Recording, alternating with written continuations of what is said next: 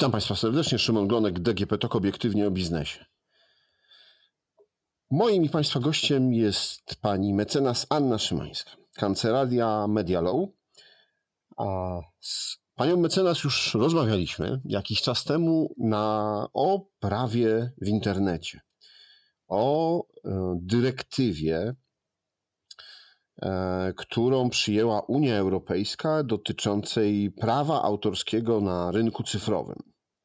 W naszej rozmowie pojawiły się takie tematy jak yy, dwa akty prawne o takich dziwnie brzmiących, tajemniczo brzmiących skrótach DSA i DMA.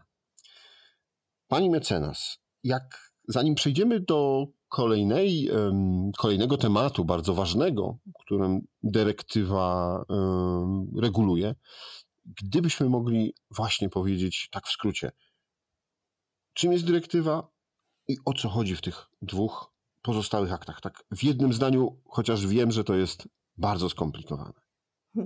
Dzień dobry, witam Państwa. Dzień dobry, Panie redaktorze. E, tak, bardzo mi miło, że, e, że mogę dzisiaj e, opowiedzieć o dyrektywie, ale odpowiadając na, na Pana pytanie i rozszyfrowując te dwa, dwa skróty, DSA to jest nowy akt o usługach cyfrowych a DMA to jest równy, również nowy akt unijny o rynkach cyfrowych. Akt o usługach cyfrowych w skrócie y, będzie zmieniał y, zasady odpowiedzialności platform internetowych, nakładał na te platformy nowe obowiązki y, w zakresie usuwania treści niezgodnych z prawem, filtrowania tych treści ta odpowiedzialność e, będzie różna w zakresie, w zależności od e, wielkości e, danej platformy. Inna odpowiedzialność będzie przewidziana dla mniejszych platform, inna odpowiedzialność będzie przewidziana dla tak zwanych strażników internetu. To się mówi po angielsku gatekeepers, czyli Google, Facebook, Amazon, Apple, w skrócie GAFA. E, na te podmioty będą e, nałożone bardzo restrykcyjne e, przepisy dotyczące odpowiedzialności za treści wobec uprawnionych z tytułu praw autorskich oraz użytkowników. Natomiast akt o mm, rynkach cyfrowych dotyczy stricte regulacji gigantów internetowych i ich funkcjonowania w cyfrowym świecie. Te akty z dużym prawdopodobieństwem przyjmą rolę, przyjmą kształt rozporządzeń, więc e, będą e, implementowane do porządków krajowych e, w sposób bezpośredni. Na te akty czekamy. Parlament Europejski przyjął projekt aktu o usługach cyfrowych w styczniu. W tej chwili trwają prace w Unii Europejskiej nad tymi dwoma aktami. Także to w skrócie, e, jeżeli chodzi o e, te dwa nowe dokumenty prawne. Natomiast dyrektywa o prawie autorskim, zwana przeze mnie w skrócie dyrektywą copyrightową, już obowiązuje. Została uchwalona w roku 2019. Do porządku prawnego w Polsce powinna zostać wprowadzona już w zeszłym roku. Nadal czekamy na jej implementację, a ta implementacja e, zdecydowanie zmieni oblicze polskiego e, i europejskiego internetu, a myślę, że i w przyszłości światowego internetu. Internetu, który znamy obecnie po implementacji tej dyrektywy, może nie, nie będzie, ale e, na pewno zmieni się radykalnie jego, jego funkcjonowanie. No dokładnie, bo ta dyrektywa reguluje bardzo wiele kwestii, obszarów życia w internecie. Bo już chyba tak trzeba powiedzieć, że nasze życie jest nie tylko e, tu i teraz na Ziemi, ale jest też życiem w internecie. E, jedna z kluczowych kwestii, jakie na początek e, jest regulowana i zajmuje bardzo obszerne miejsce, to jest prawo twórców, w nawiasie artystów. E, I to jest taka bardzo duża regulacja, której dotąd nie było w tak w prawie unijnym. Dzisiaj chciałbym właśnie porozmawiać o tym. A na początek pytanie, kto według dyrektywy, według tego prawa jest twórcą? Tak. E, dyrektywa e, z 2019 roku, czyli e, ta obecna, nosi nazwę Dyrektywa o prawie autorskim i prawach pokrewnych na jednolitym rynku cyfrowym, czyli dotyczy praw autorskich twórców oraz praw wykonawczych, praw artystów wykonawców, czyli praw do artystycznych wykonań, do fonogramów, wideogramów, praw producentów. Przede wszystkim mówi o twórcach, y, natomiast również nie należy zapominać, że dotyczy wszystkich uczestników rynku, czyli podmiotów praw pokrewnych, czyli krótko mówiąc, między innymi właśnie praw do podmiotów, y, które posiadają prawa do artystycznych wykonań, czy prawa producenckie, y, czy prawa do nadań radiowych i telewizyjnych. Tych podmiotów również dyrektywa dotyczy.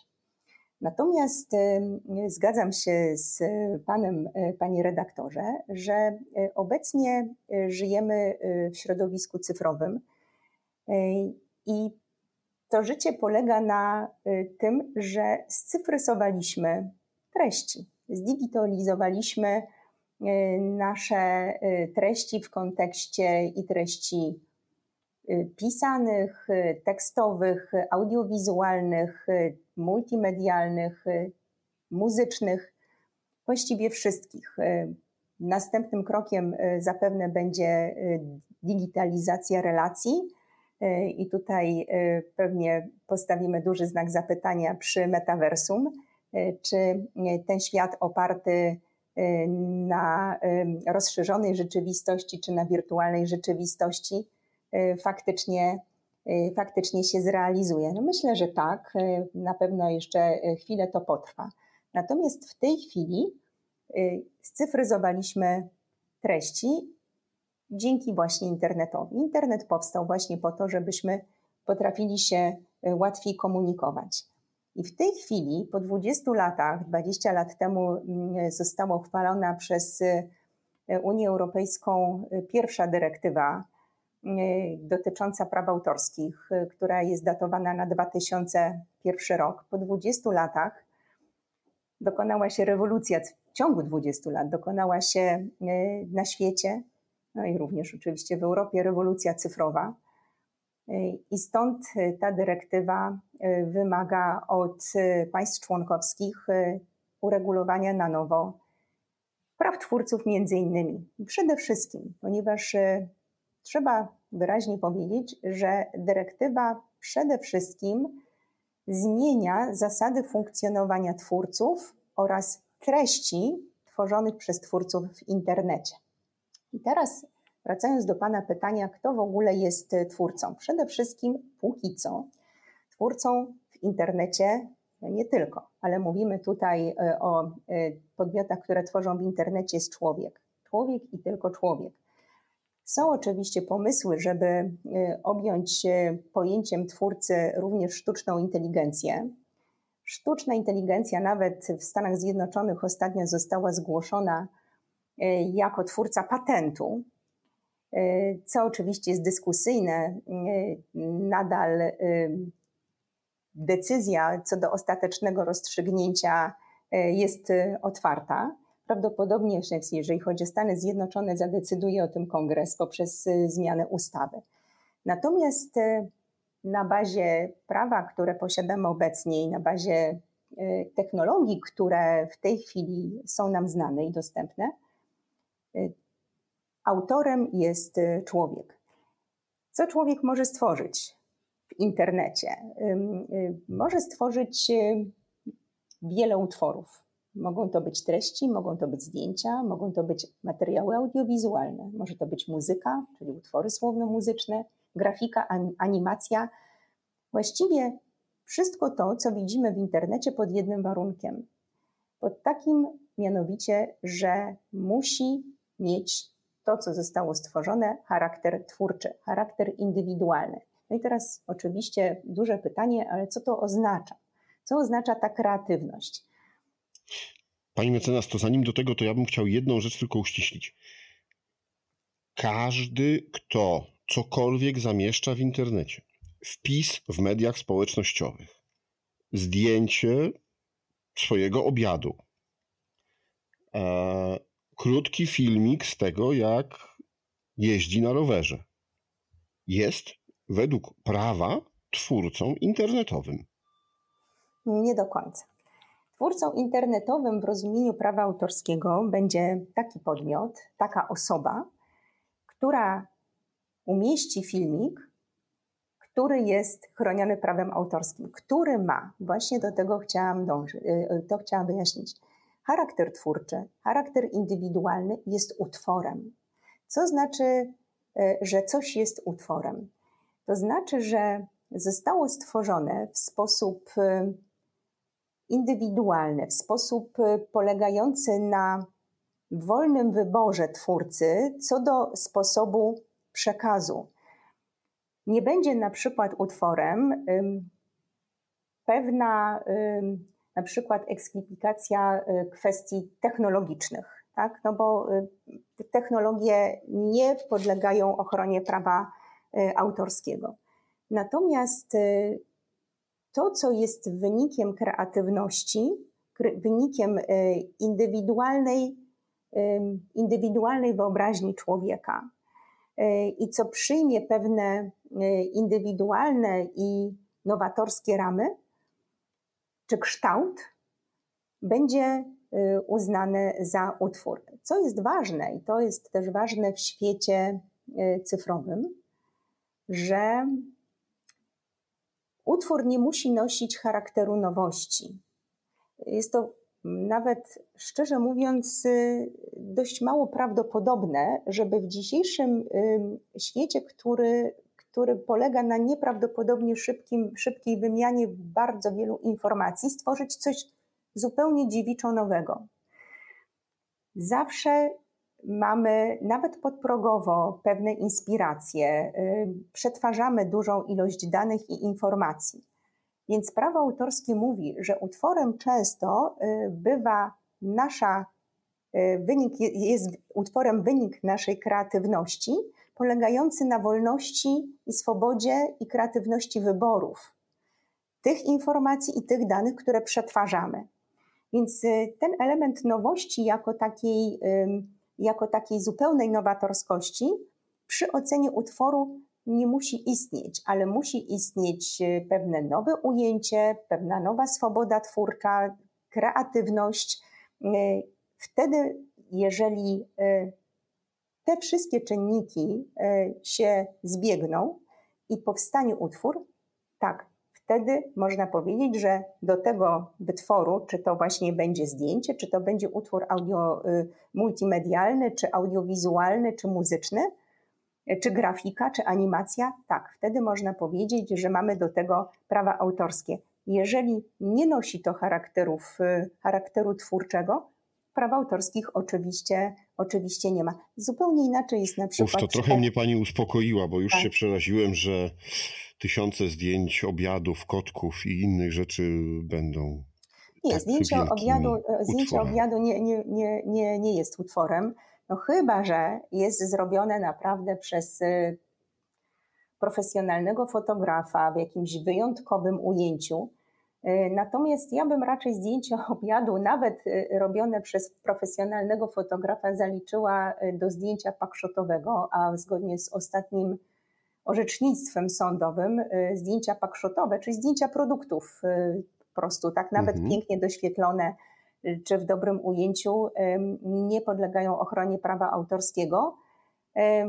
Też oczywiście wszystko zależy od przypadku, bo w jednym z moich procesów sądowych rzeczywiście wygrałam sprawę, która, w której sąd uznał, że zdjęcie pięknie doświetlonego flakona perfum e, zlecone na, przez, przez, przez dużą firmę, dużą agencję, zrobione w sposób niezwykle profesjonalny, jednak jest utworem.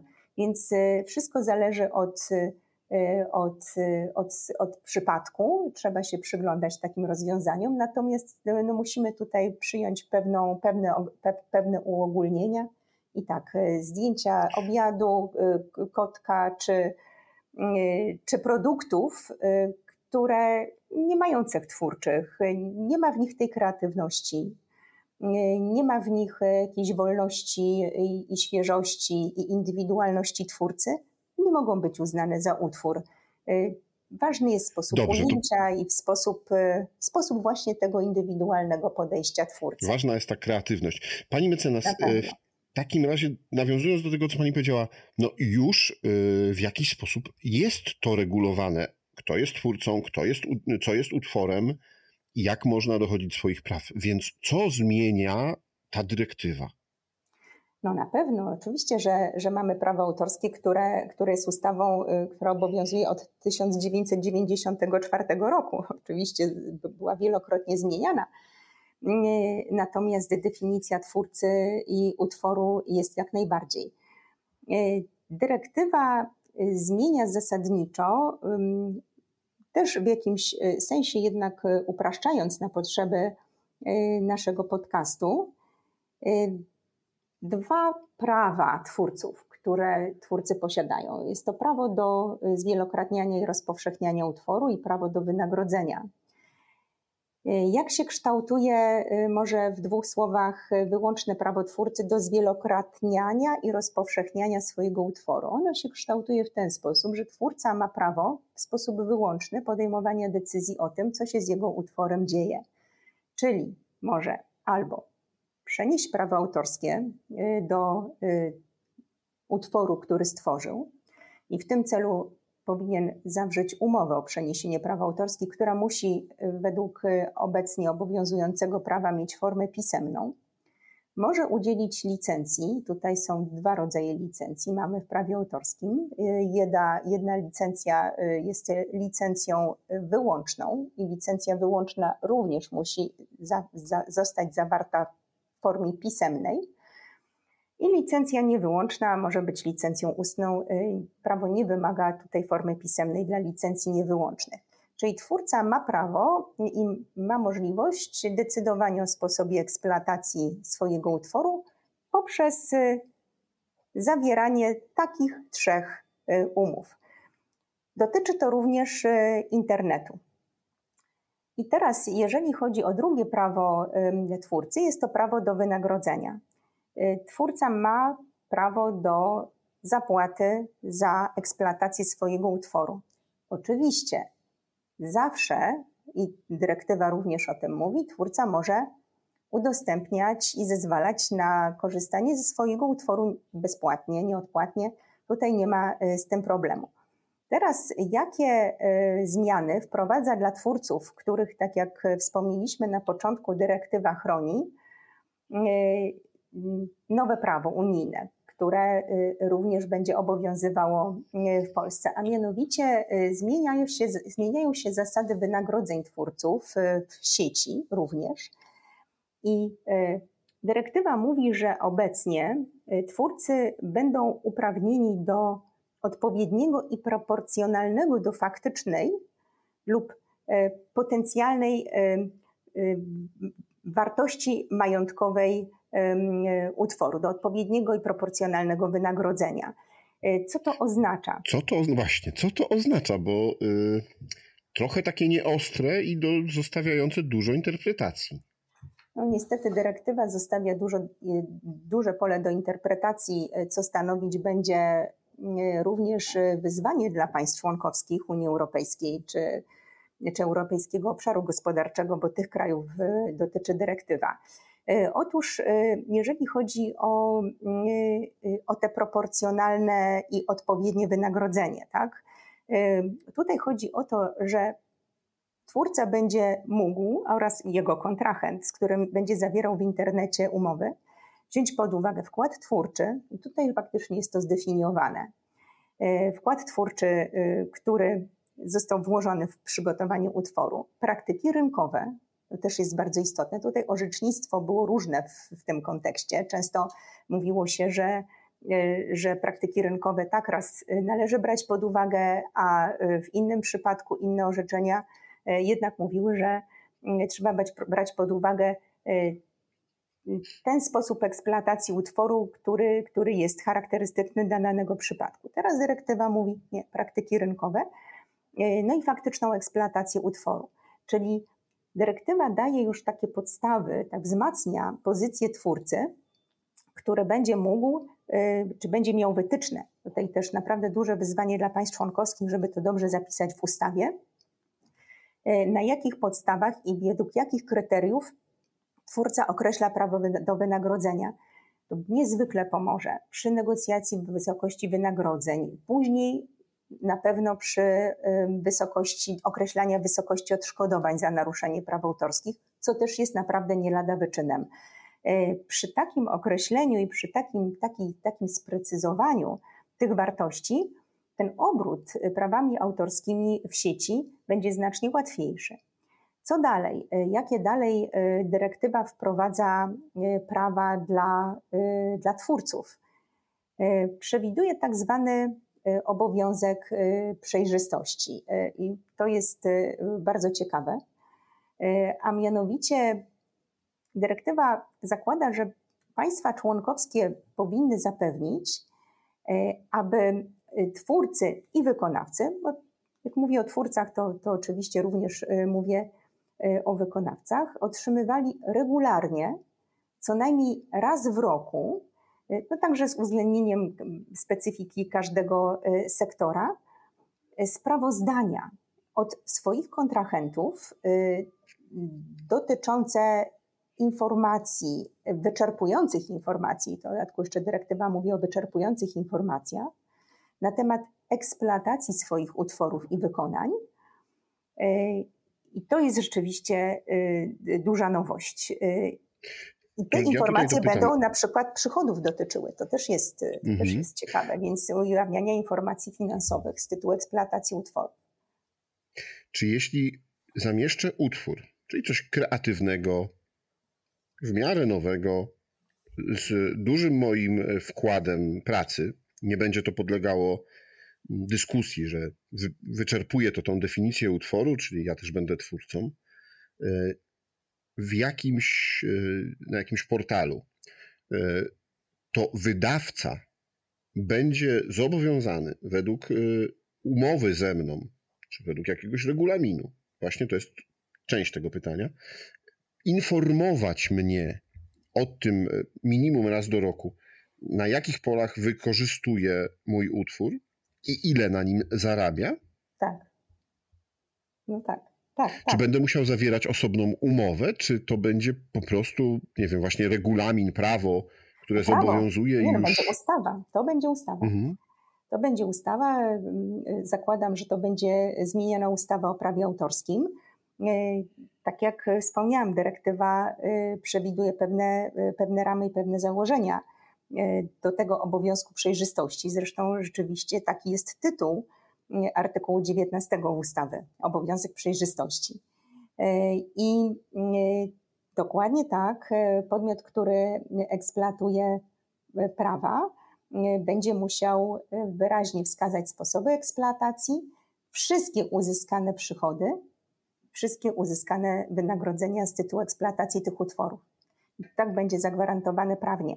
Także warto, żeby twórcy już dzisiaj mieli tą świadomość, że dyrektywa, zakładając, że, że jej implementacja y, no na pewno nie będzie y, mniej korzystna niż, y, nie może być tak, niż, niż, niż zakładane przepisy dyrektywy w prawie, w prawie danego państwa, czy np. u nas w Polsce.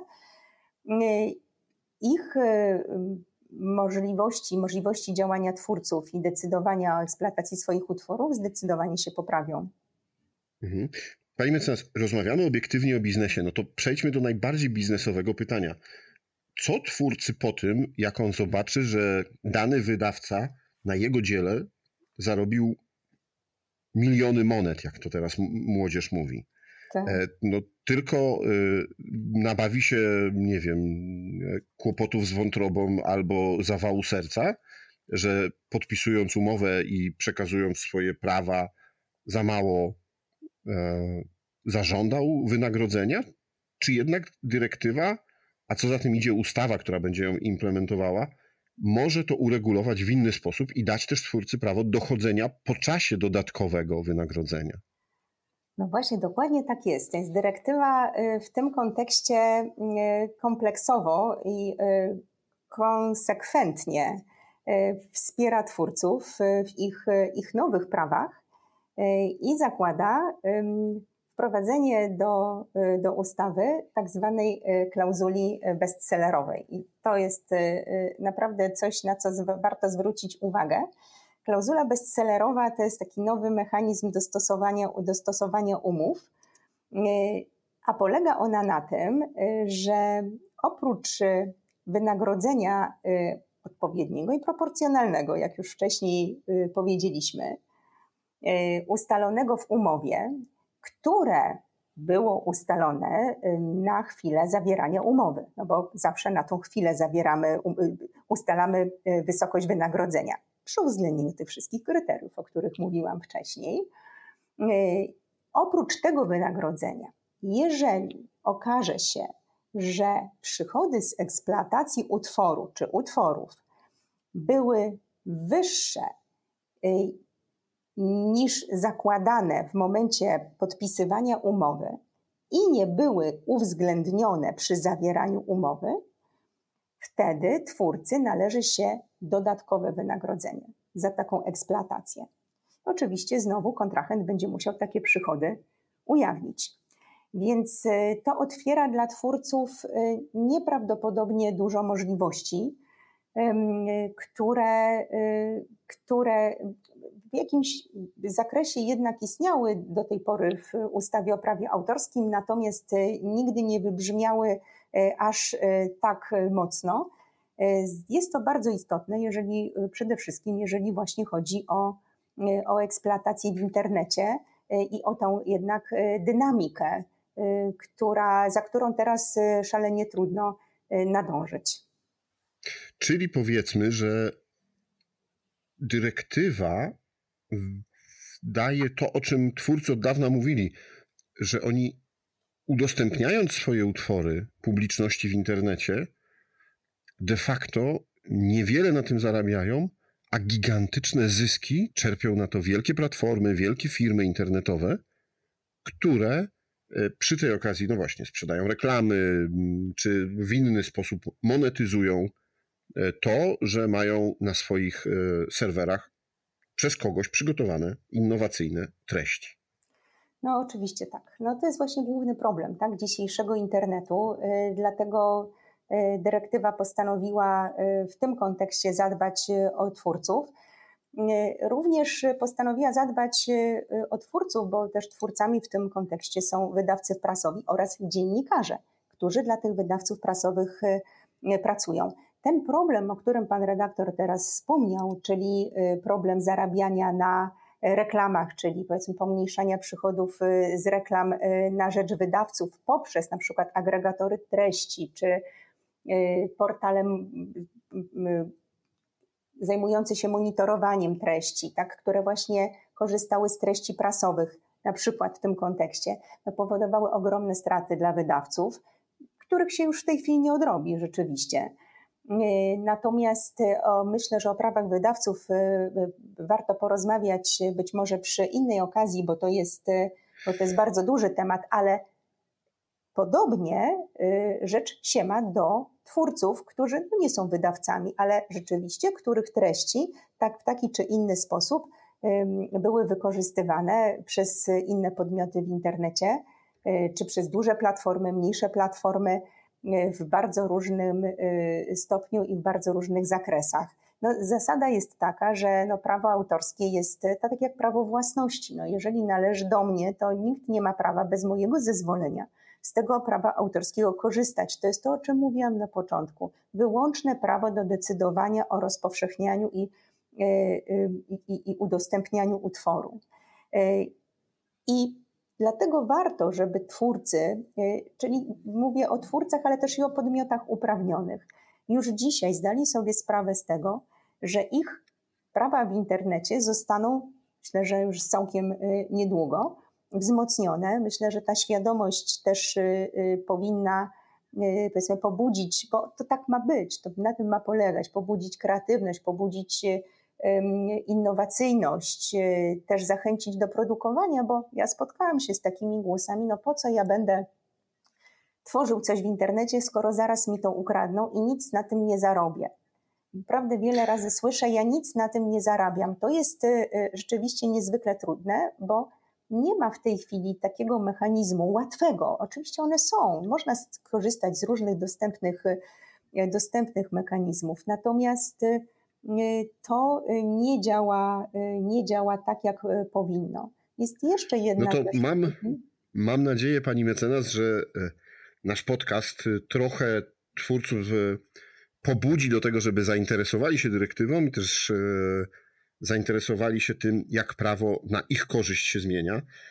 No tak, na pewno wiele jeszcze tematów i chociażby ten temat wydawców prasy i kwestii dziennikarskich, no to jest temat, który, no powiem, będziemy musieli pani mecenas poruszyć, dlatego już dzisiaj chyba zapowiem, że no, spotkamy się po raz kolejny. No, bardzo chętnie, bardzo chętnie opowiem, bo rzeczywiście temat ważny. E, no, a cały czas czekamy też na to, co, w, w jaki sposób zostanie zaimplementowana, trudne słowo nie dla prawnika, ta e, dyrektywa do prawa polskiego. E, I wtedy też e, na pewno wiele tak jak pani mówiła, zmieni się w tym internecie, który znamy na dzisiaj. Dziękuję pani bardzo za rozmowę. Bardzo dziękuję. Dziękuję państwu. Dziękuję panie redaktorze. A ja, proszę Państwa, zapraszam do słuchania naszych podcastów na wszelkich platformach podcastowych i oczywiście na DGP Talk. To było obiektywnie o biznesie. Szymon Glonek. Do usłyszenia. Thank you